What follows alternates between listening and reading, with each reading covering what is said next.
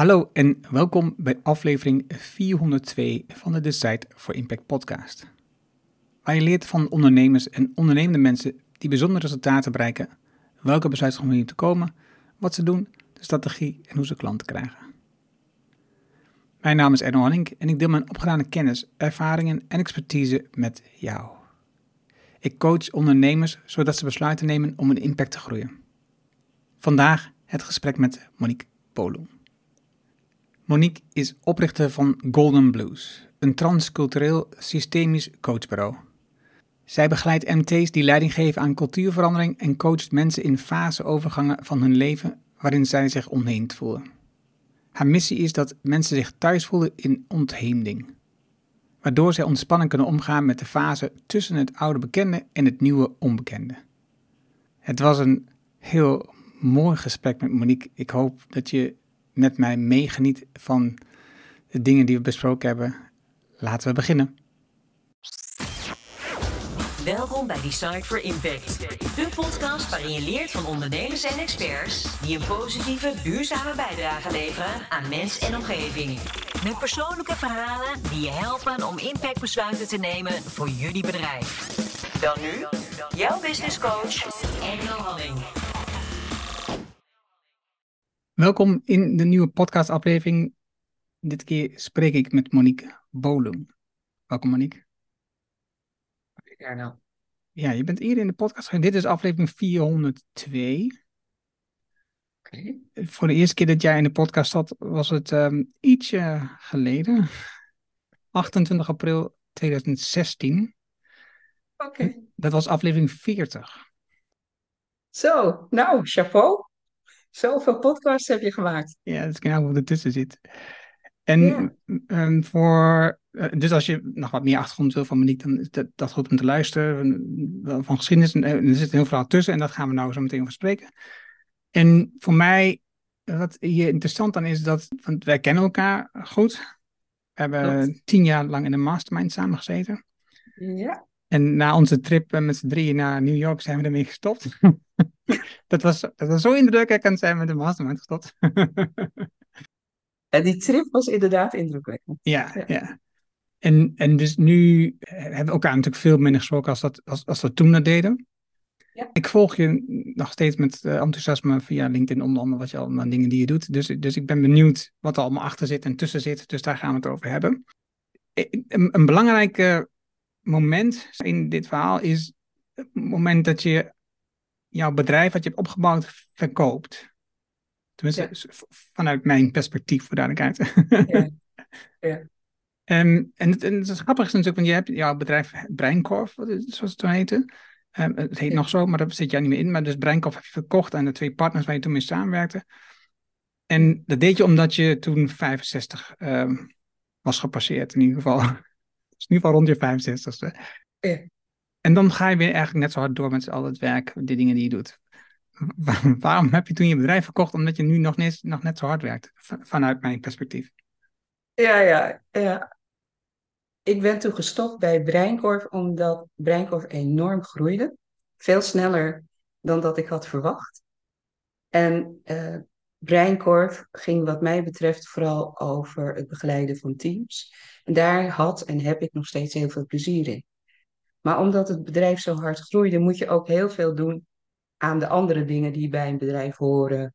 En er waren op een gegeven moment geloof ik twintig freelancers aan verbonden. Eh, je moet opdrachten binnenhalen, zodat de tent blijft draaien. Moet je bezighouden met marketing, met sales, eh, met financiën.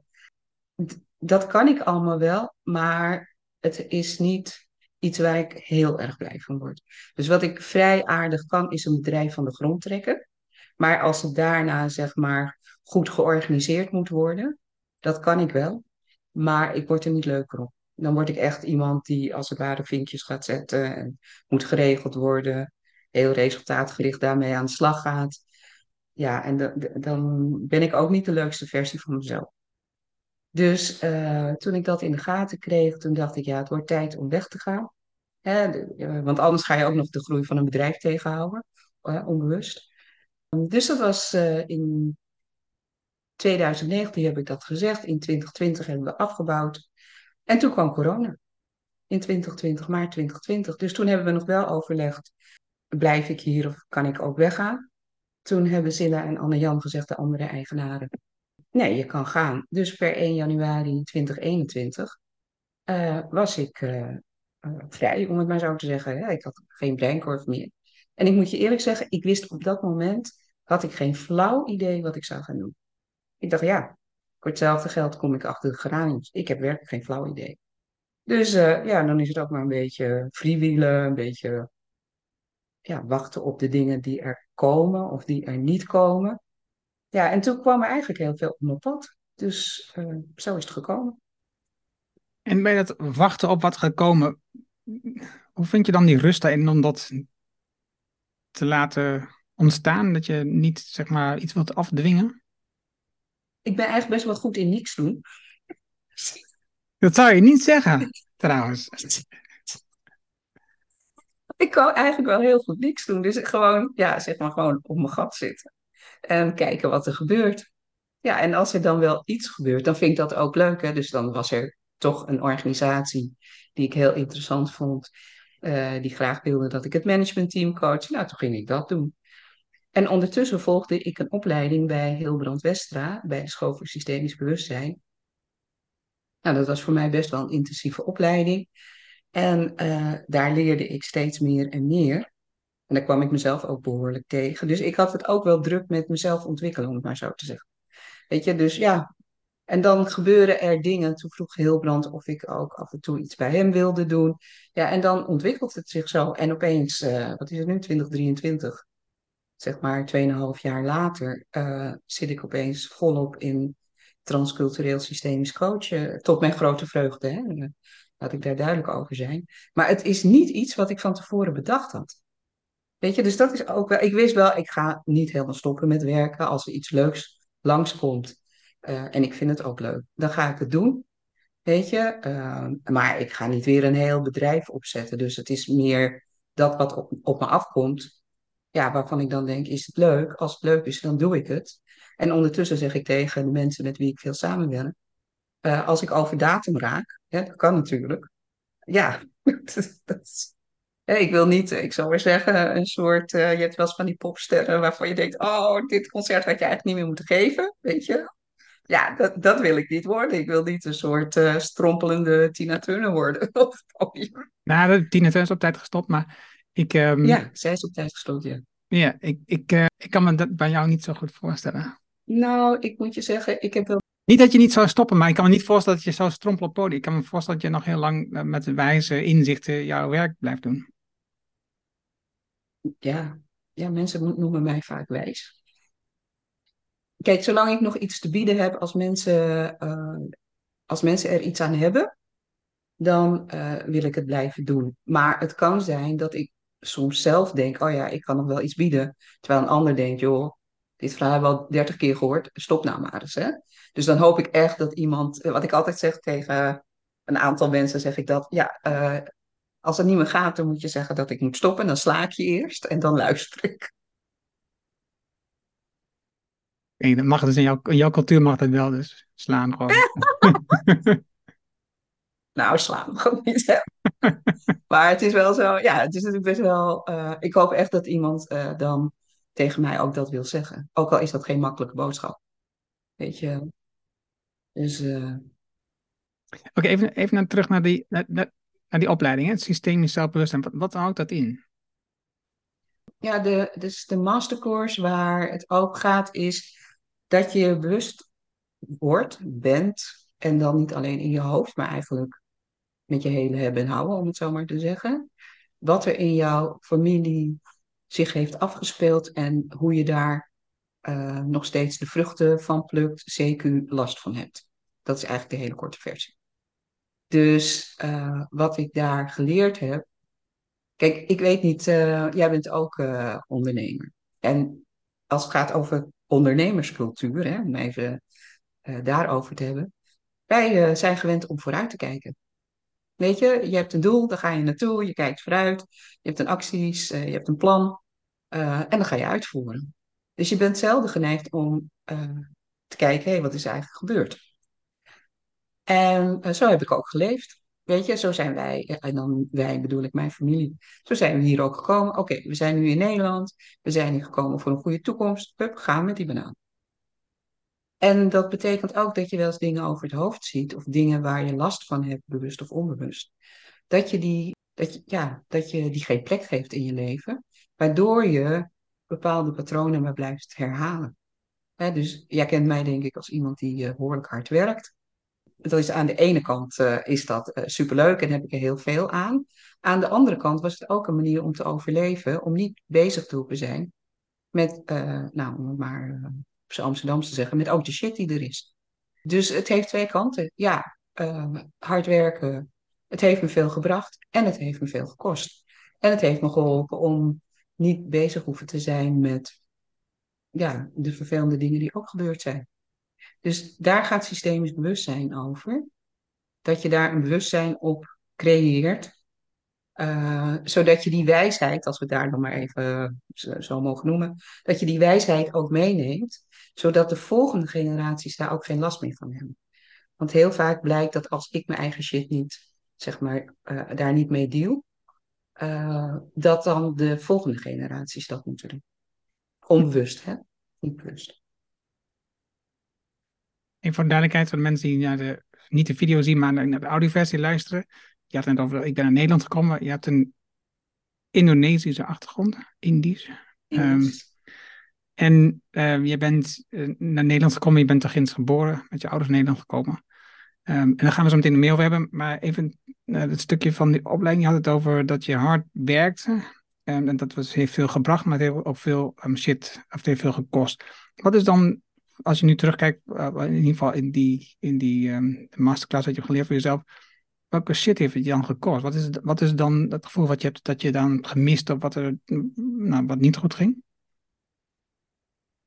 Hoewel ik dat op dat moment niet vond, denk ik dat ik toch uh, meer bij het gezin had willen zijn. Dat ik uh, er meer voor mijn partner en meer voor mijn kinderen zou willen zijn. En dat, dat ik hen gewoon meer aandacht had willen geven. Weet je wel, in plaats bezig met een zaak op te bouwen en daar heel erg voor te gaan. En ondertussen te merken van, eh, ik bedoel, niemand heeft tegen mij gezegd, mam, uh, je bent er te weinig. Maar dat is ook uh, omdat kinderen ontzettend loyaal zijn naar hun ouders dus uh, pas nu zeggen ze af en toe van ja, het was wel jammer dat je er toen niet was. En dan denk ik, oh ja, shit, dat is toch vervelend. Weet je wel, dus dat. Dat. En ook wat het ook gekost heeft, is omdat ik vanuit huis gewend ben om eigenlijk niet echt over moeilijke dingen te praten. Deed ik dat ook niet met mezelf, om het zo maar te zeggen. Hè? Dus was ik vooral bezig met doen en als het lastig was, dan ging ik gewoon meer doen. En ik was dus ook minder bezig. En dat klinkt heel raar voor een coach, maar zo gaat het bij veel coaches. Met uh, de gevoelens die ik zelf had, maar ook de gevoelens die anderen hebben. Ja, zoals mijn partner of mijn kinderen. Mm. Want zeg maar, als, gevoelens als, als coach zijn, heb je natuurlijk wel, ben je met de gevoelens van je klanten, ga ik vanuit. Ja, ja, ja, dus heel lelijk gezegd, als ik ervoor betaald werd, wel. Ja, maar uh, in het wild, hè, als moeder en als... Ja, dan, dan denk ik, daar had ik best meer... Uh, ik krijg het ook helemaal warm als ik dit allemaal vertel. Maar uh, daar had ik, ik had, achteraf had ik daar... Ik had er veel meer voor hen willen zijn. Ja, net als ieder ander struggelen zij soms ook met dingen in hun leven. En dan ga je toch onwillekeurig als ouder afvragen... Oh, was het anders geweest als ik er meer voor hun uh, had, als ik meer aanwezig was geweest voor hun. Zie jij dat jouw kinderen daar anders mee omgaan nu voor hunzelf? Ze hebben nog geen kinderen, maar um, in hun relatie bijvoorbeeld? Relaties? Nou, wat ik zie is uh, de oudste twee, Paul en Sari, die zeggen allebei, we gaan echt niet zo hard werken als jullie hoor, zeggen ze tegen ons. Dat is één. Daarbij zeggen ze, uh, luister, bij jou, jouw werk was jouw passie. Ja, ik uh, werk om te leven. Weet je? En dat zijn eigenlijk hele gezonde reacties. Hè? Zij halen hun geluk niet alleen uit hun werk, maar ook uit andere dingen. En ze maken daar ook andere keuzes in. De jongste is ook nog wel iemand die behoorlijk ambitieus is. maar daaraan zie ik het. Weet je wel? Dus daarin merk ik van, oh ja, ze maken andere keuzes. Ik zie ook dat ze, net als mijn partner en ik, ook best wel pas belangrijke zaken vertellen die hun dwars zitten als het is opgelost. Ja, dat deed ik zelf ook. Weet je wel? Dus, goh, hoe is het met je? Dan zeg ik altijd goed. Of uh, hoe gaat het met je? Ja, nu weer goed. Een tijdje geleden was het. Maar dan een tijdje geleden zeg ik tegen niemand. Ja, ik maak eigenlijk een rottijd door. Weet je wel? Dus dat, dat zijn wel de dingen die ik nu uh, meer probeer te doen. Om te zeggen hoe het werkelijk met me is. Om dat te delen met mensen. En uh, niet om de hele tijd uh, die vrouw te zijn die zich vermant en het allemaal wel redt. Weet je zo, ja.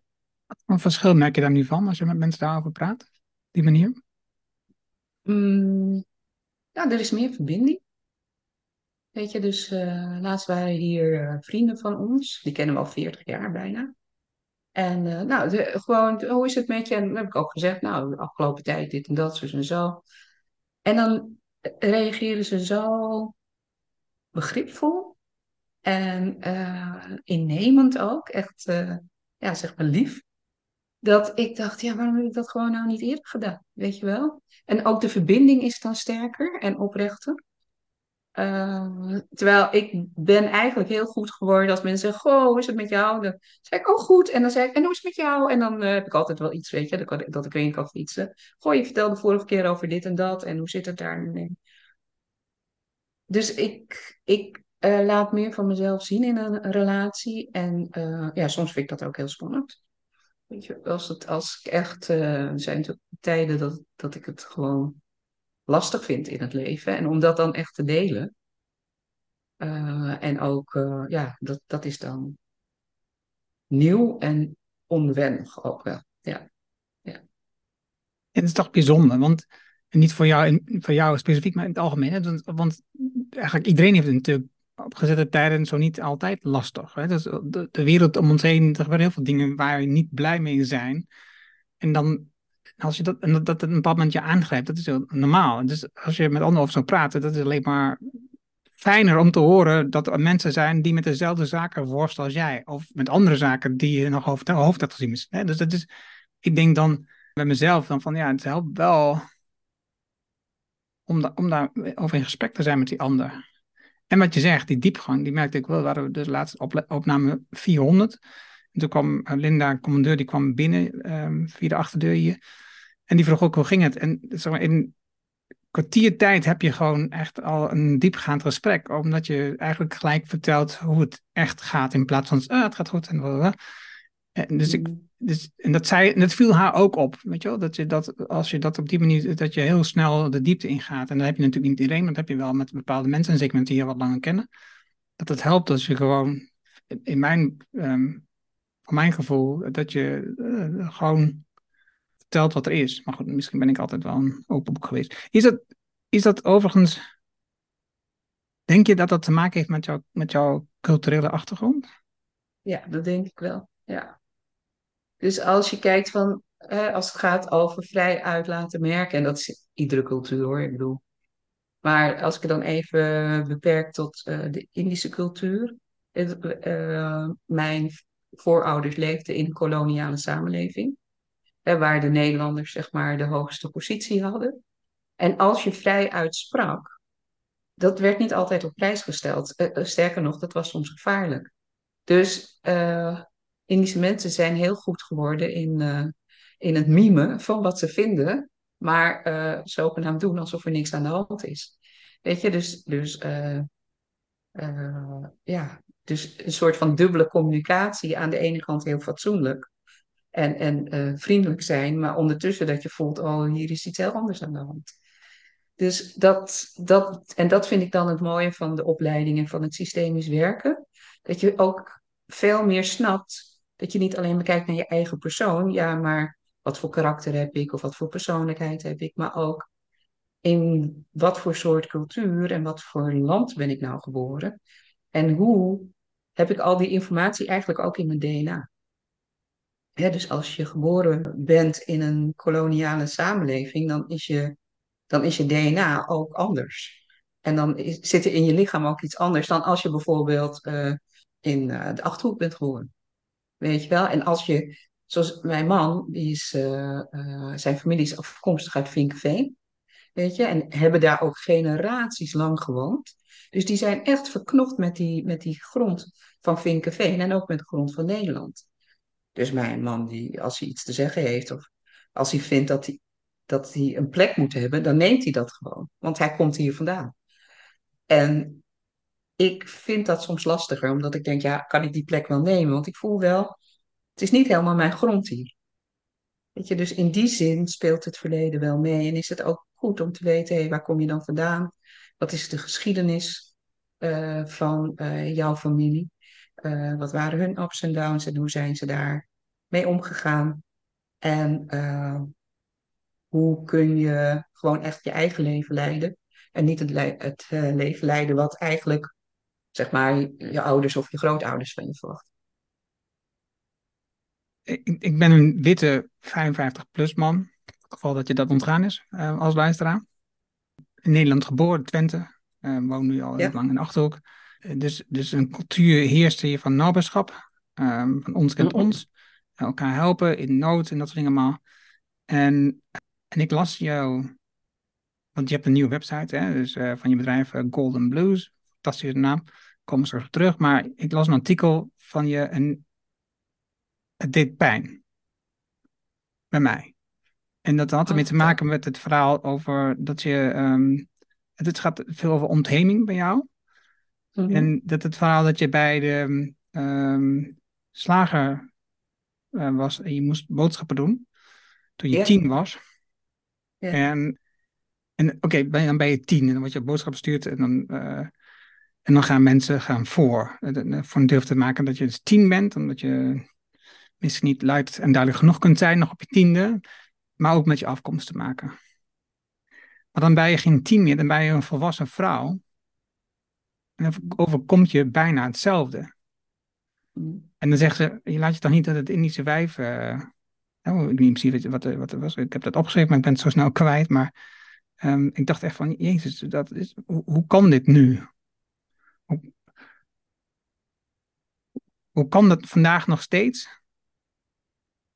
Hoe kan het zijn dat je dat zo um, positioneert? voor mensen die je niet kent en voor ook gewoon zoveel, ik ken je natuurlijk, maar zoveel wijsheid, zeg maar, die daar staat. En hoe kan je dan dat soort, hoe kun je nou dat soort dingen zeggen over een ander? Ik vind het heel ingewikkeld. En dat is überhaupt, eh, als, als witte um, 55-plus man wil ik graag meer vrouwen ruimte geven, en ook jonge vrouwen op dit platform. En liefst ook uh, van kleur. Um, het is een mix daarvan. Omdat ik denk dat, nee, dat is niet wat ik denk. Ik vind dat de mannen hebben lang genoeg voorrang gehad. Dus ik vind dat ik nu rustig vrouw mag voortrekken. Dus de, ik probeer gewoon nu echt gewoon 100% vrouwen uit te... Dat, is, dat lukt niet altijd, maar in de meeste gevallen lukt het wel. Het is gewoon namelijk een kwestie mm. van bewust aanbesteden en doen en op zoek gaan naar mensen waarvan je denkt, oh, dat is zo'n gaaf gesprek, gaan die mensen wel hebben. En dat zou ik ook een man kunnen doen, omdat dat nou eenmaal hetzelfde is als ik. Hè? Dus het voelt makkelijk. Mm. Maar die gesprekken um, zijn niet eenvoudig, omdat ik natuurlijk ook heel veel dingen niet begrijp, omdat ik me niet in kan. Nou, ik kan me misschien verplaatsen, maar ik, ik... het gaat me nooit helemaal raken zoals jou dat geraakt heeft. Nee, maar, maar het raakt me wel dat het je raakt. Dus, dus het, uh, als het gaat over. Ik heb best wel geaarzeld of ik dit zou opschrijven, want het, het is ook wel een soort van nou ja, weet je, al het imago uh, wat ik onbewust bewust heb opgebouwd is, nou, ik, uh, ik chef het allemaal wel, ik red het wel. En dan opeens komen met zo'n verhaal, maar goed, daar gaat Golden Blues over.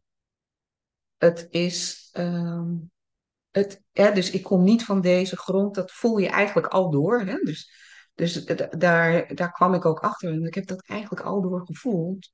Al was het maar in, je moet in dit land op je beurt letten. En zo waren er heel veel uitspraken. Je moet hier dit en dat. Waardoor het zo duidelijk was: oh ja, wij zijn niet van hier. En, en dan is gewoon je plek nemen. Kijk, nou ja, even weer, mijn man zegt er gewoon: hé, hey, ik ben aan de beurt. Weet je wel? En ja, hij is ook 1,90, hè? ik ben 1,50. Dus maar toch, weet je, voor hem, ik aarzel dan. Zal ik zeggen, ik moet echt kracht zetten om te zeggen, hé, hey, ik ben aan de beurt.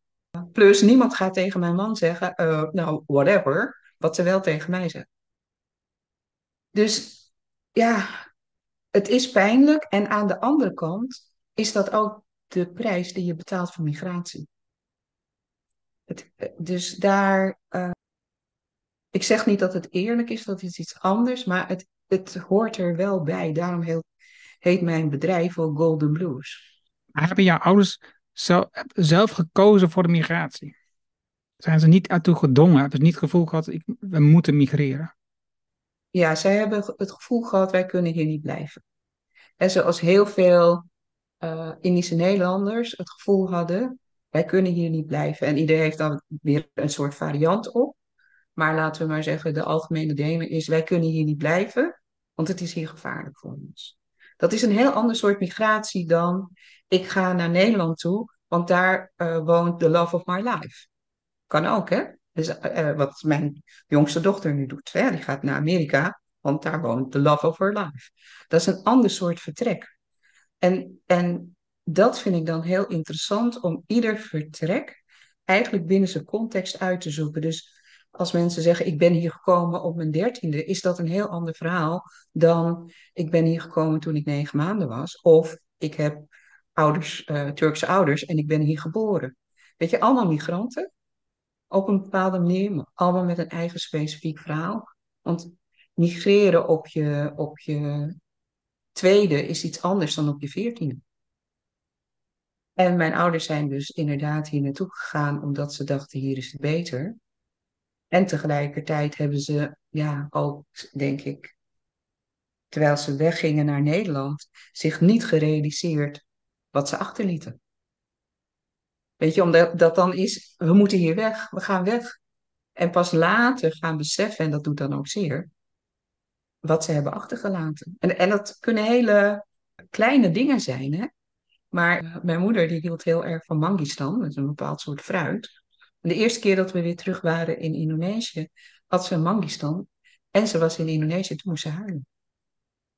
Weet je, omdat, ja, het is niet alleen die mangistan, maar alles staat voor alles wat ze heeft achtergelaten. En op dat moment begreep ik dat niet goed, want dat was, ik was denk ik een jaar of 25, weet ik niet meer. Maar door me steeds meer te verdiepen in, maar wat is er dan gebeurd en wat betekent dat dan? Uh, op die leeftijd met een kind gaan naar, Nederland, naar uh, Nederland en daar alles achterlaten. Wat betekent dat dan? En hier zo'n beetje onderaan de sociale ladder beginnen, terwijl je daar ergens in het midden stond. Wat betekent dat dan? Weet je wel? Nou dat, soort, uh, dat soort zaken. Als je het hebt over mijn kinderen, die, die, uh, als die in de winkel staan, iemand gaat voor een beurt. Zij zijn hier geboren, hè? Dan zeggen ze meteen, hé, ik ben aan de beurt. Weet je wel, dus je ziet al dat het per generatie weer anders is. Ja. Als ik kijk naar de staat van de wereld, en ik zit heel erg op het um, uh, duurzame karakter, hè, dus nadenken over de volhoudbaarheid van de dingen die we aan het doen zijn, het uh, regeneratieve. En, um, en, ik geef nu uh, presentaties en workshops over de Inner Development Goals en die zijn gekoppeld aan de Sustainable Development Goals. En dan laat ik eerst zien wat de toestand van de wereld is zoals ik er tegenaan kijk. En dus bijvoorbeeld oh. biodiversiteit is afgenomen, de hitte die toeneemt uh, en daarmee droogtes en overstromingen. En wat we dus gaan, als we praten over migratie, wat we gaan zien en waar we Waar we uh, bijzonder genoeg zijn met het kabinet nu over gevallen is over migratie. En we leven vandaag op 10 juli 2023. Wordt het alleen maar ernstiger. En dus, dus door de um, verandering van de biodiversiteit, uh, de toename, toename van de hitte, zullen steeds meer mensen migreren uit hun gebied omdat het onleefbaar is waar ze geboren zijn. En en eh, wat, wat willen ze dan aan de poort, hè, of dat nou Europa is of Nederland, willen ze tegenhouden. Dat zien we gebeuren. We zien boten die eh, verzinken, weet ik wel wat, worden teruggestuurd, omdat we die mensen niet. Maar wij hebben het veroorzaakt. Wij zijn, wij zijn de veroorzaker van het probleem. Hetzelfde waarom jouw ouders uit Indonesië zijn vertrokken. Wij als Nederlanders hebben die problemen daar veroorzaakt en dan moeten mensen gedwongen weggaan. Het is natuurlijk een hele ingewikkelde um, omstandigheid waarbij je dus niet eens misschien per se dat direct weet, maar dat je, dat je wordt gedwongen om uit je huidige leefomgeving te vertrekken. Ja. Naar een plek, je heil zoekt, omdat je niks anders meer kan. En daar niet welkom zijn. Ja. Ja. Het, ik vind het heel ingewikkeld. En ik heb absoluut niet de illusie dat ik, dat ik dit op, op, op meso-niveau zelfs. Ik kan, dit, ik kan alleen maar doen datgene wat ik op microniveau kan doen. Maar het is natuurlijk waanzinnig dat we aan de ene kant uh, wensen dat wij allemaal heel lang en gezond leven, terwijl de rest van de wereld uh, geen eten heeft. Dus, dus de technologie heeft ook een ontwikkeling mogelijk gemaakt waarbij de helft, of de helft, uh, veel minder, laten we zeggen 10 of 20 procent van de wereldbevolking daar ontzettend van kan profiteren. En zich daar enorm mee verrijkt. En de rest daar de schade van ondervindt. Dus uh, er was vandaag, las ik een artikel en dat ging onder andere over Marley Huijer. Zij was de filosoof des vaderlands uh, geweest. En dat ging erover, ja, moeten wij allemaal gezond 94 worden? Want wat betekent dat voor de gezondheidskosten? En uh, ja, sinds wanneer kunnen wij ons niet verzoenen met de dood? Of heel lang al. En dat wordt alleen maar erger, want uh, we, moeten er even jong uitzien of zo. Dus het, ik vind het een heel ingewikkelde wereld. Waar, en ook migratie vind ik heel ingewikkeld. Omdat ik ook wel um, voel dat migratie ook niet helemaal een oplossing is. Dus ik zou maar zeggen, wij voel, hè, mijn ouders voelden, voelden zich niet veilig. Die hebben besloten om naar Nederland te gaan. Dat leek een mooie oplossing. Maar als je het hebt over duurzaamheid, ja, het, het kost ook verdomde veel. Hè, aan, aan emotioneel welzijn, aan sociaal welzijn. En het, het, heeft ook, het heeft ook een prijs, om het maar zo te zeggen. Um, en je ziet, en dan uh, maakt mijn familie het naar omstandigheden heel goed. Hè? Als ik het vergelijk met andere uh, families of uh, andere migranten die hier naartoe zijn gekomen en die, die geen bestaan hebben kunnen opbouwen. Dus het gaat ook niet altijd goed. Dus ergens is ook wel in die opleiding die ik volg, en nu ga ik heel spiriwiri praten, Erno. Heel ingewikkeld voor mij dus. Is, is typisch voor jou. Maar het gaat eigenlijk ook wel over, uh, kun je het lot dat het leven je toebedeeld heeft, kun je dat aanvaarden? Weet je, want eigenlijk hè, uh, willen we de pijn, of nou laat ik het even tot mezelf, hè, als ik de pijn zoveel mogelijk wil vermijden of managen, uh, ontlopen of, of, of nou ja, zorgen dat het minder is, en je komt tot dit soort ingewikkelde ingrepen, dat, dat heeft altijd een prijs.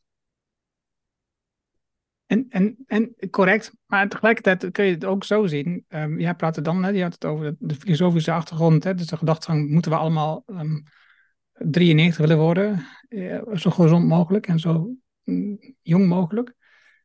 Maar tegelijkertijd doen die mensen hetzelfde. Want je ouders hebben ook hetzelfde gedaan. Dus kiezen, wil ik hier het risico lopen om te overlijden vroegtijdig? niet gekozen door mezelf, welk tijdstip dat dan is.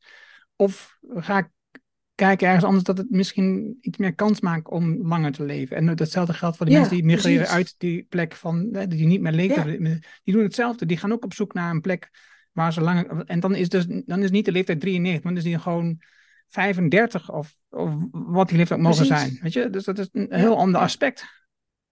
Absoluut. Dus dat is niet uh, tijdig in deze, in deze eeuw. Hè, als je op, uh, dat is misschien, uh, weet ik veel, 400 jaar geleden misschien tijdiger, maar nu niet. Dus het is wel, en dat bedoel ik, dat ik, ik kan het haast alleen maar op microniveau, dit soort dingen. Dus ik, eh, toen ik met pensioen ging, of tenminste toen ik dacht dat ik met pensioen ging, toen had ik het heel erg over dat ik leeftijdsadequaat oud wilde worden. Hè? Dus ik wilde niet als een soort jonge, strak getrokken oude vrouw uh, door het leven gaan. Maar ik zit nu wel te denken aan, ja, maar hoe, hoe ga ik op een goede manier dood? Ja, dat klinkt heel raar, maar hoe ga ik goed dood zonder het, dat ik me ook kan verzoenen met dat een leven eindig is? Zonder dat ik uh, alle uh, medische, uh, het hele medische circus op me loslaat. Kan ik op een gegeven moment zeggen, ja, het is wel oké zo, het is genoeg geweest. ja, ik weet het niet. Hè? Kan je nu nog niet? Nou, ik, dat, dat, heb ik me ook afgevraagd. Ja, ik ben wel ieder jaar bezig met de seizoenswisselingen heel bewust mee te maken. Hè, dus als het herfst wordt, dan denk ik wel vaak, hoe vaak ga ik dit nog meemaken? Of als het lente wordt. Ik heb met name bij de lente en de herfst. Ik heb het niet zo bij de zomer en de winter, want dat doet me minder. En ik dacht, ja, stel dat ik nu zou horen van, nou, hè, dit is de laatste zomer die je meemaakt. Dan zou ik dat. Um... Ik zou dat voor mezelf geloof niet eens zo erg vinden. Dat klinkt heel raar. Uh, maar als een van mijn kinderen in verwachting zou zijn, dan is het opeens een hele andere wereld. Hè? Dan wil ik die kleine zien. Dan wil ik helemaal niet uh, dan zou ik helemaal niet gaan zeggen van, uh, nou, het is wel oké. Kijk, op dit moment denk ik, ja, nou ja, het, het is niet, heeft niet mijn voorkeur, maar als het zo is, dan is dat zo. En ik heb uh, met alle ups en downs ook een heel, ja, ik, ik, ben wel blij met het leven dat ik had. Het had allemaal anders gekund en ik had het beter kunnen doen. Hè? Dus het is niet zo dat ik zeg, ik heb perfect geleefd, helemaal niet. Maar het is wel, het is wel mijn leven. En daar ben ik wel blij mee. Dus ja, stel dat ik nu een bericht zou krijgen van, uh, ja, nou, Wolum, het zit er niet meer in. Ja, uh, of we kunnen duizend behandelingen doen, dan zou ik zeggen, nee, doe maar niet. Weet je, die duizend behandelingen. Ook omdat ik denk, ja, je moet een keer dood, hè? Ja, we houden heel krampachtig vast aan het leven op dit moment, is mijn gevoel. Precies. Aan schoonheid, aan jong zijn, aan het eeuwige leven, maar we praten ook niet over de dood. Nee, helemaal niet. Er gaat heel weinig over. Als ik zeg van, uh, uh, ja, maar ik ben eigenlijk aan het nadenken, hoe, hoe ga ik dood? Wat wil ik wel, wat wil ik niet? Ja, nee, weet je, zover is het nog niet. Nee, dat klopt ook. Hè? En tegelijkertijd, ik heb niet het eeuwige leven. Kan morgen gewoon zijn. Ja, precies. Dus, uh, dus ik ben, de, en dat zeg ik nu, hè, dus dat kan ik allemaal nu heel stoer, uh, soort van gezond op mijn stoel zeggen als het echt zover is, heb ik geen flauw idee. En ik, ja, ik, ik zou het geloof ik erg vinden voor mijn kinderen en voor mijn man. Weet je wel? En ik hoop dan ook dat ze er niet te veel soezen aan hebben. Hè? Dat hoop ik ook. Maar uh, ja, dat heb je allemaal niet voor het kiezen. Dus het gaat heel erg over, kun je je overgeven aan wat er op dat moment is? En kun je daar zo goed mogelijk mee leven? Dat is eigenlijk wat ik bedoel met het lot aanzien.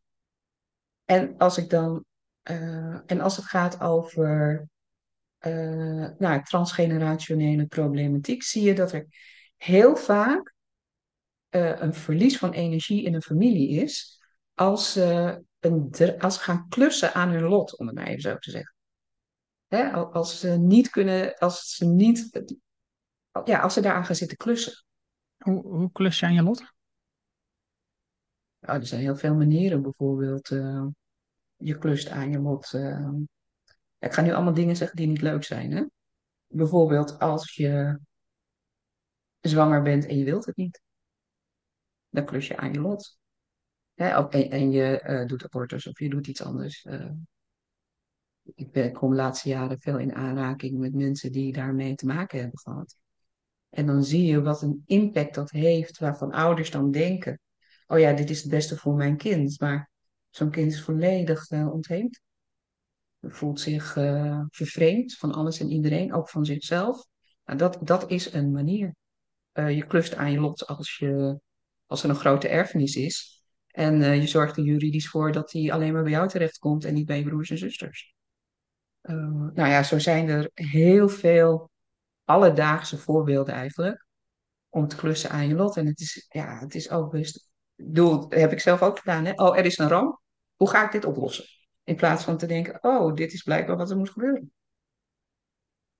En we hebben een waanzinnig streven gehad, het wordt iets minder geloof ik, om uh, te streven naar geluk. Weet je, dus daarin, uh, ik spreek wel eens uh, mensen die ik coach en die zijn dan 30, 40 jaar en die zeggen, je weet niet wat voor last het is om gelukkig te moeten zijn. En net zoals dat ik heb mijn kinderen opgevoed als je maar gelukkig bent. Ja, dus op het moment dat ze dat niet zijn, uh, dan, dan voelen ze zich daar dubbel bezwaard in. Dus, dus er is heel veel streven naar een soort van Disney World, om het maar even zo te zeggen, hè, waarin alles goed komt. Terwijl, ja, je gewoon soms het nemen hebt dat wat op je pad komt. Dit, dit gesprek gaat toch echt wel een hele andere kant. Dat dat. Laten we het dan even over dat verhaal, het lot nemen zoals het komt. Ja. Je poster, uh, een paar dagen geleden, ik weet niet precies, over de workshop die je had gegeven over thuis en ondernemerschap. En ja. dan had je, doordat je ziek was geweest, had je de marketing van de workshop niet goed uitgevoerd en waren er minder mensen dan ik had bedacht. Ja. Ik denk dan, dat is je lot. Ja, dat klopt, ja. Dus kon er ook beter wezen. Ik hoorde jou en Pieter wel in mijn achterhoofd zeggen, nou, is niks nieuws. Ze doen nooit de marketing goed. Ik dacht gewoon, nee, dat was nog niet iets wat ik per se dacht. Ik dacht gewoon, hey, vijf mensen, toch super gaaf dat je vijf mensen kunt helpen. Ja. Dat, ja, dat heb je ook geschreven. Dat vond ik heel leuk. Ja, en ik had me daar vroeger heel erg ja, gegeneerd of zo bij gevoeld. Van, oh ja, hmm, nou, dat heb ik niet goed gedaan. En, zo. en nu dacht ik, ja, sorry, ik kon het gewoon, uh, omdat ik ziek was, ik kon het niet opbrengen. Ik was super blij met die vijf mensen, weet je wel. Dus ik, ik voel, dat, daar kon ik gewoon, ook dat soort dingen kan ik dan beter hebben dan vroeger. Vroeger dacht ik dan, ja, nee, dat moet beter en dit en dat en zus en zo. En het was ook, uh, de locatie was helemaal oké. Het was de dag na de storm, dus dat was ook uh, fijn. Super gave vrouwen waren daar. We hebben in een zee van tijd en een zee van ruimte hebben kunnen werken. Ja, dat, dus, dus uh, dat is een model van de School voor Systemisch Bewustzijn. Dat is van Hilbrand Westra. Die heeft het altijd over tempo, timing, trust. Dus hij doet zijn marketing op een manier die, uh, die ik niet helemaal kan volgen. Maar dan is het opeens, dan komt er iets uit de lucht vallen dat ik denk, uh. en dan zegt hij, ja nee, uh, volgens mij klopt het nu, want ik voel dat het nu de tijd is. En het klopt haast altijd. Weet je wel? Dus het is veel meer voelen van wat is er nu aan de orde. En daar ook echt contact mee maken. En dan, uh, ja, zeg maar, uh, laten gebeuren. Ja, en uh, eigenlijk komt op iedere workshop de juiste mensen af en het juiste aantal. Als je daar niet te hard op gaat drukken, hè, laat ik het zo zeggen. Hè, want je kan er ook wel heel hard op drukken. Nou, dus dat is dan het lot. Ja. En ik denk dat, dat de mooiheid zit dus in het accepteren van dat lot. Om niet te blijven pushen. Om, ik wil elke workshop wil ik tenminste tien mensen hebben. En ik zie dat dat gebeurt natuurlijk heel veel in het bedrijfsleven. Dat er, er zit een, een getal achter, iets uh, kwalitatiefs, sorry, iets kwantitatiefs. En, en er wordt ja. dus heel erg gefocust van, oh ja, ik moet zoveel mensen, en dan levert het zoveel op, dan heb ik zoveel omzet, heb ik zoveel winst. Uh. Ja. Terwijl als je überhaupt kijkt, want je, die 20% van mensen of die 10% van mensen die je, dus 5% van de mensen die in de wereld leven, die hebben het grootste uh, rijkdom en bezit. 1% van de mensen in de wereld hebben de helft van de rijkdom van de wereld in ja. bezit. Om eens wat te noemen. Om eens wat te noemen. Ja. En dus wij, jij en ik, ik kan nu niet zeggen witte Nederland, maar in ieder geval wij die in Nederland wonen, wij behoren tot die 3,5% uh, ja. die, dus, die dus bij de rijkste mensen van de wereld horen. Dus. Het, het, het, de gedachtegang van mij betekent alleen al het feit dat je nog nadenkt over ik wil toch elke keer meer mensen in de workshop hebben. Of in mijn programma of wat dan ook. Dat je ergens niet tevreden bent met wat je hebt. Terwijl er is, we hebben al genoeg. Het is alleen zo verrot verdeeld. Dus waarom moet ik dan nog weer mensen in mijn workshop hebben? Natuurlijk is het fijn als je je gedachtegoed verder kunt brengen. Maar de gedachtegoed dat dat per se bij al die mensen moet komen door jou. Dat is een bizarre gedachte. Je kan ook zeggen, ik ga mijn kennis delen en ik ga ervoor zorgen dat meer mensen het kunnen verspreiden. En ik er niet per se wat aan verdien, omdat we gewoon willen dat dit gedachtegoed verder komt. Precies. Ja. Ja. Oké, laten we even schuiven naar het gedachtegoed uh, waar je nu mee bezig bent, hè, vanuit uh, jouw nieuwe bedrijf Golden Blues. Want ja. gaat niet alleen maar over het trans transculturele, waarbij je nadenkt over uh, vanuit jouw achtergrond het in Indische um, met het Nederlands, maar gewoon überhaupt. Want je had het op je website ook een artikel over een bedrijf wat um, verschillende, waar verschillende transities in zaten, mensen verschillende teams in zaten. Ja. Die waren gefuseerd. En dan zie je ook eenzelfde problematiek ontstaan. Klopt. Ja. tenminste, zoals ik jouw artikel lees. Maar waarom is voor jou dan dat onthemingsgevoel, zo, wat maakt dat zo interessant? Wat, is, wat, wat maakt dat je daarmee aan de slag wil? Nou, eerst dacht ik dat het vooral een persoonlijk probleem was, om het zo maar te zeggen. Dus dacht, ik ben vast de enige. En dan, als je dan goed luistert, dan is het eigenlijk ook uh, behalve privé, ook heel veel op, op het werk. Hè? Dat mensen zeggen, ik voel me eigenlijk niet meer thuis in mijn team. Ik voel me niet meer thuis in deze organisatie. Of uh, ik voel me niet meer thuis in mijn vak. Dat, dat hoor ik ook wel eens mensen zeggen. Ja, toen ik begon als arts, dat was hartstikke leuk. Want ik hou van patiënten en nu ben ik vooral lijsten aan het invullen. Dus er is in heel veel, uh, is, is op heel veel plekken is eigenlijk een soort overgang plaats van dat wat er geweest is naar dat wat er komt. En in die tussentijd ja, ben je een soort van op zoek naar wat is dan nu de, het moment, wat is de betekenis. En dat vind ik interessante momenten. Omdat dat dan ook van jezelf vraagt dat je op een andere manier gaat doen of op een andere manier gaat denken. En uh, dat, dat zijn ook vaak de momenten dat het uh, ja, onwennig, onaangenaam voelt. Waarop je waarop veel mensen heel gespannen worden. Weet je wel, of heel hard gaan werken, of uh, stress ervaren, of wat dan ook. Dus als het gaat over Golden Blues, dan, ja, wat ik graag zou willen, is mensen helpen om zich te ontspannen in zo'n spanningsvolle periode. Daarom dat ik zeg, Golden Blues gaat over, uh, ja, zeg maar thuis zijn in ontheemling. Weet je, dat je niet alles gaat aanspannen, maar dat je denkt, oh oké, wat is er aan de hand? Ik ben hier nu.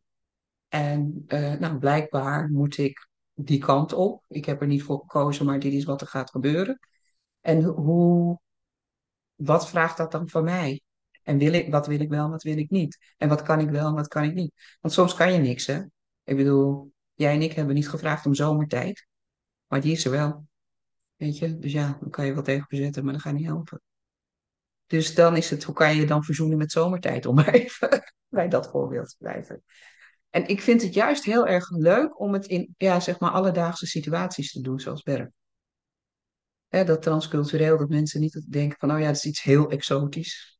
Uh, alleen voor migranten en zo. Nee, het is juist iets, eigenlijk iets heel alledaags. En we hadden hiervoor even het gesprek over ja, de kinderen die dan niet meer thuis wonen. En dat is ook zo'n overgangsfase. Weet je? En dan, uh, ja, dan. Ik bedoel niet dat dat wereldschokkend is, maar je moet met je tweeën toch weer settelen als uh, stel. En dan zonder kinderen, ja, hoe doe je dat? Nou, bij het ene stel gaat het heel makkelijk en bij het andere wat moeilijker.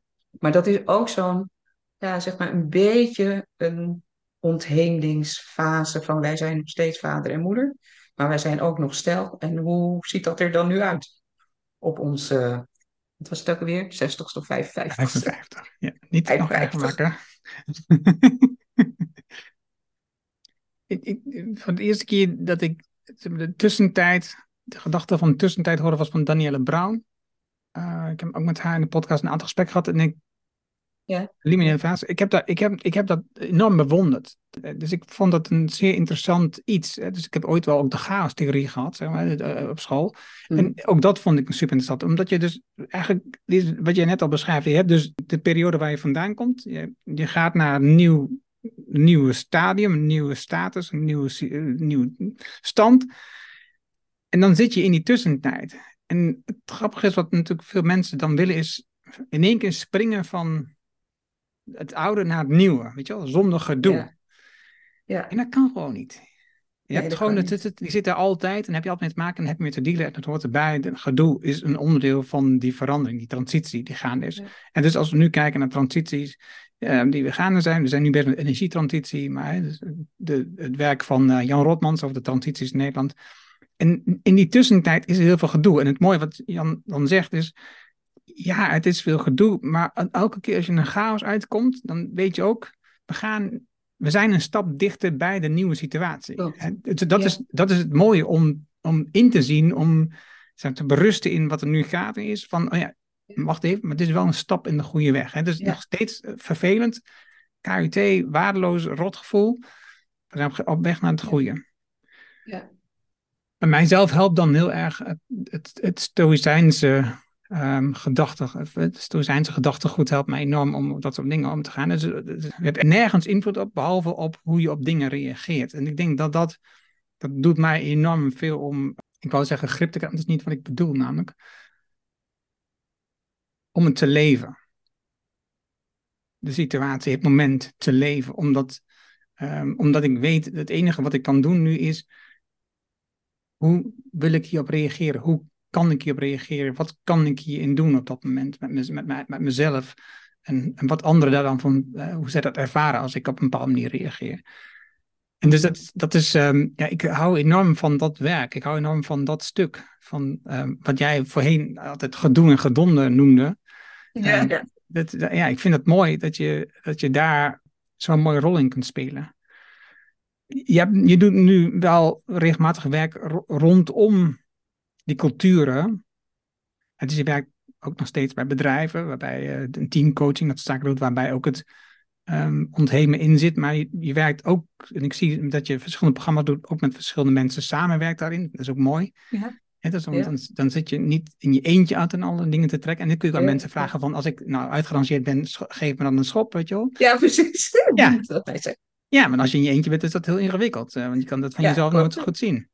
Dus ik vind dat heel mooi wat je op die manier doet. En ook nu weer. Dus, dus ik had gezien, je had dat programma afgesloten eh, met Hildebrand. En, en ik zag dan later in een keer, hey, je gaat nu promotie doen voor het programma. Oh, hoe zit dat precies? Oh, jij bent nu zelfs eh, dat je die training zelf geeft als coach daarin zit.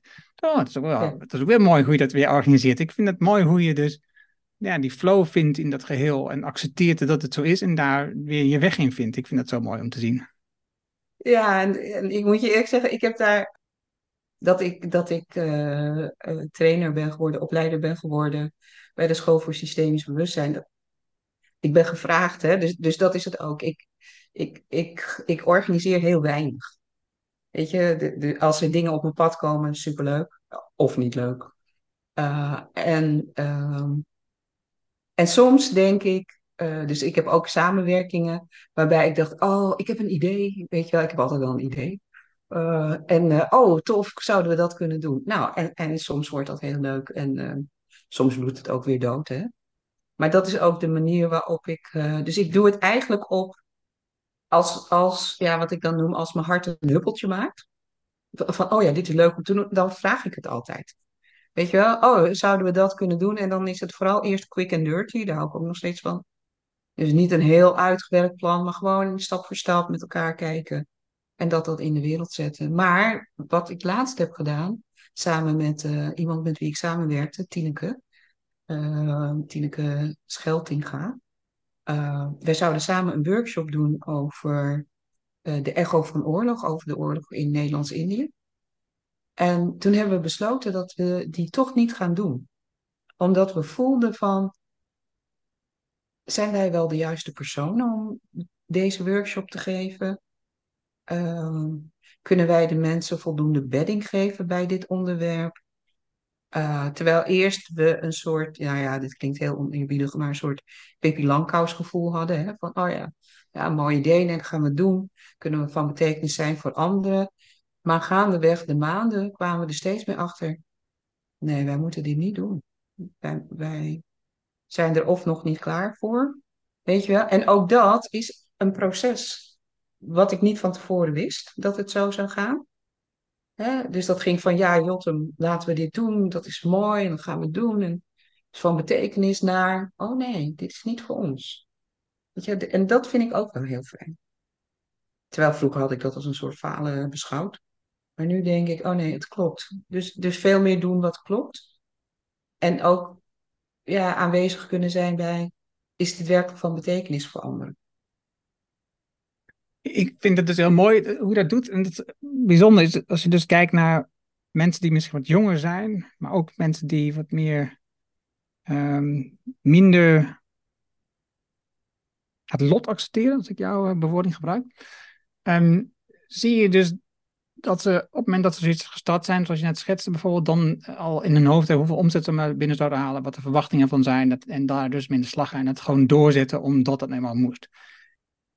En dus eigenlijk niet de ruimte nemen om, om te voelen of dit wel het juiste is op dit moment en te accepteren dat het soms niet goed is en dat het niet past.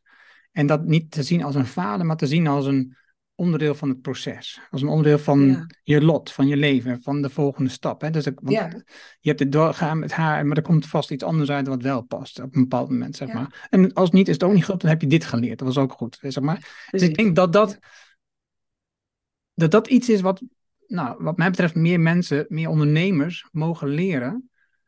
Omdat, omdat Jij bent daar heel goed in. Jij bent daar heel goed in. Ja. Nou, ik kan me dat van vroeger herinneren. Weet je, wij, wij bespraken natuurlijk altijd onze jaarplannen. En uh, we keken uh, vooruit en terug. En jij was altijd heel goed in te nemen zoals het is. Oké, dat, dat betekent dit. Nou, dan kan ik altijd nog dit en dit doen. En nou, misschien ga ik dat uitbouwen, maar misschien ook niet. Ik kijk wel. Weet je, je was er heel relaxed in. En, ik, en wat ik dus denk, is dus dat meer mensen het helpt om dat wat ontspannen op te pakken. Eh, mede vanuit het feit dat we al zo rijk zijn. En dus dat het eigenlijk niet nodig is om nog belachelijk veel rijker te worden. Maar dat we veel meer kunnen doen door nou ja, gedachtegoed mensen te ondersteunen om de volgende stap te zetten. En dat is dus.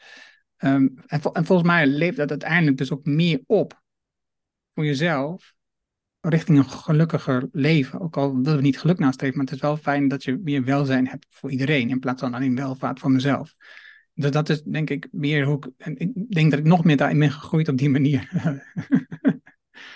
ja, ja.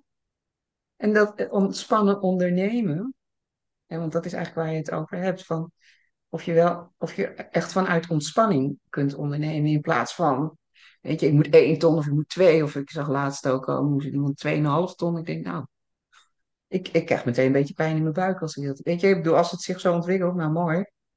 Maar het is niet een streven. En, uh, dus het is mooi als je daar mensen mee kunt helpen. Het is ook, als ik kijk naar zo'n dag die ik dan doe, hè, dat gaat over uh, thuis in ondernemerschap. Dat gaat eigenlijk ook over, ja, als je thuis bent in ondernemerschap, dan ben je ontspannen. Weet je, en dan, dan kun je ook, dat, je kunt, ja, zeg maar, de shit ook een soort van ontspannen nemen. In plaats van alleen maar dit, weet je.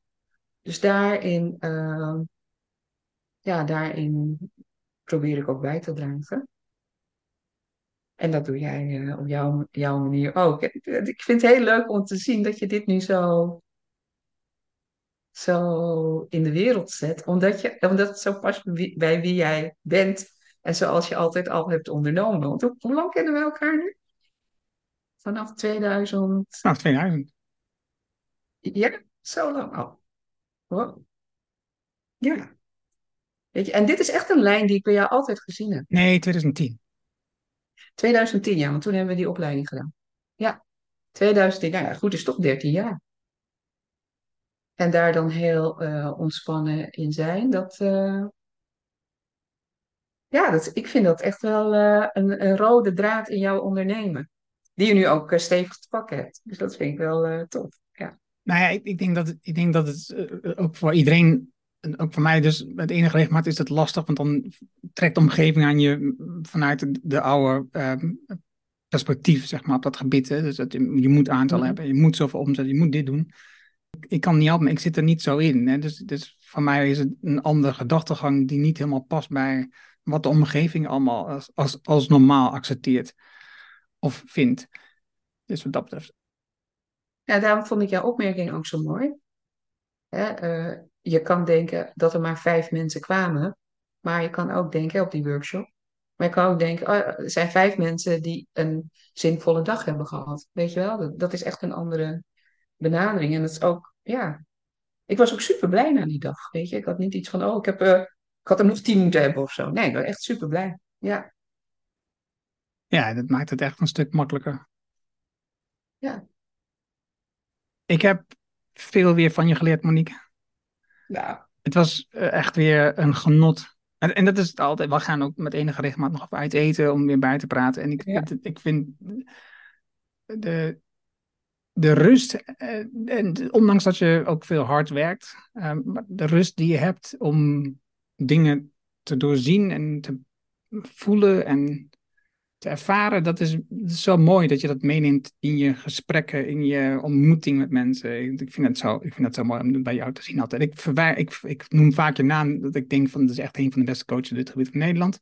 En wat is dan dit gebied, dat weet ik niet, maar gewoon dat, dat je zo ermee bezig bent, op die manier naar kijkt. En ook, jij hebt je draai daar enorm in gevonden over ehm, de- de- je, je eigen geschiedenis, hoe je mee om bent gegaan, de weg van je kinderen, maar ook dat dat dan een plek heeft in het bedrijfsleven, zodat je het ook nog kunt combineren. Hè? Dus de combinatie maakt met je eigen ehm, werk, wat je hebt gedaan, te doen hebt nog steeds misschien zelfs, met het werk wat er in het bedrijf ligt, in bedrijven ligt, wat er te doen is.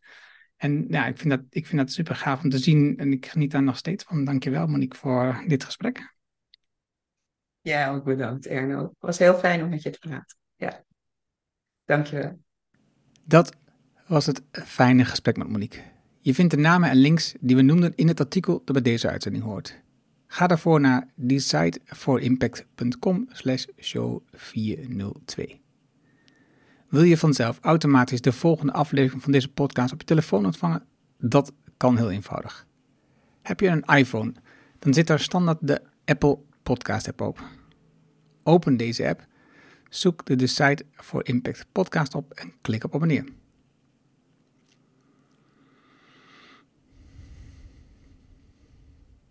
Heb je een Android-telefoon?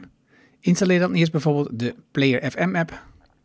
Open dan die app, zoek de Decide for Impact podcast op en klik op abonneer. Dankjewel hiervoor. Heb je vragen, opmerkingen, reactie op deze aflevering met Monique of op de podcast in het algemeen? Stuur dan een e-mail naar podcast@decideforimpact.com. Ik hoor heel graag van jou. Wil je leren hoe je focus en energie vindt met jouw innerlijke kompas? Hoe verbinding in je team het verschil maakt? Hoe je vertrouwen krijgt in je collega's en hoe je een moedig mens wordt? Download dan het boek Impact Besluiten waarmee je nieuwe medewerkers aantrekt op decideforimpact.com. Dit is mijn nieuwste boek en daarom download het nu helemaal gratis. Je hebt zelfs geen e-mailadres nodig.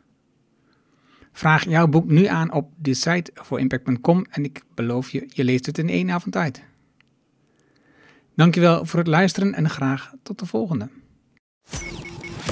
Dankjewel voor het luisteren naar deze aflevering van de Decide for Impact podcast. Ga voor jouw volgende stap naar decideforimpact.com.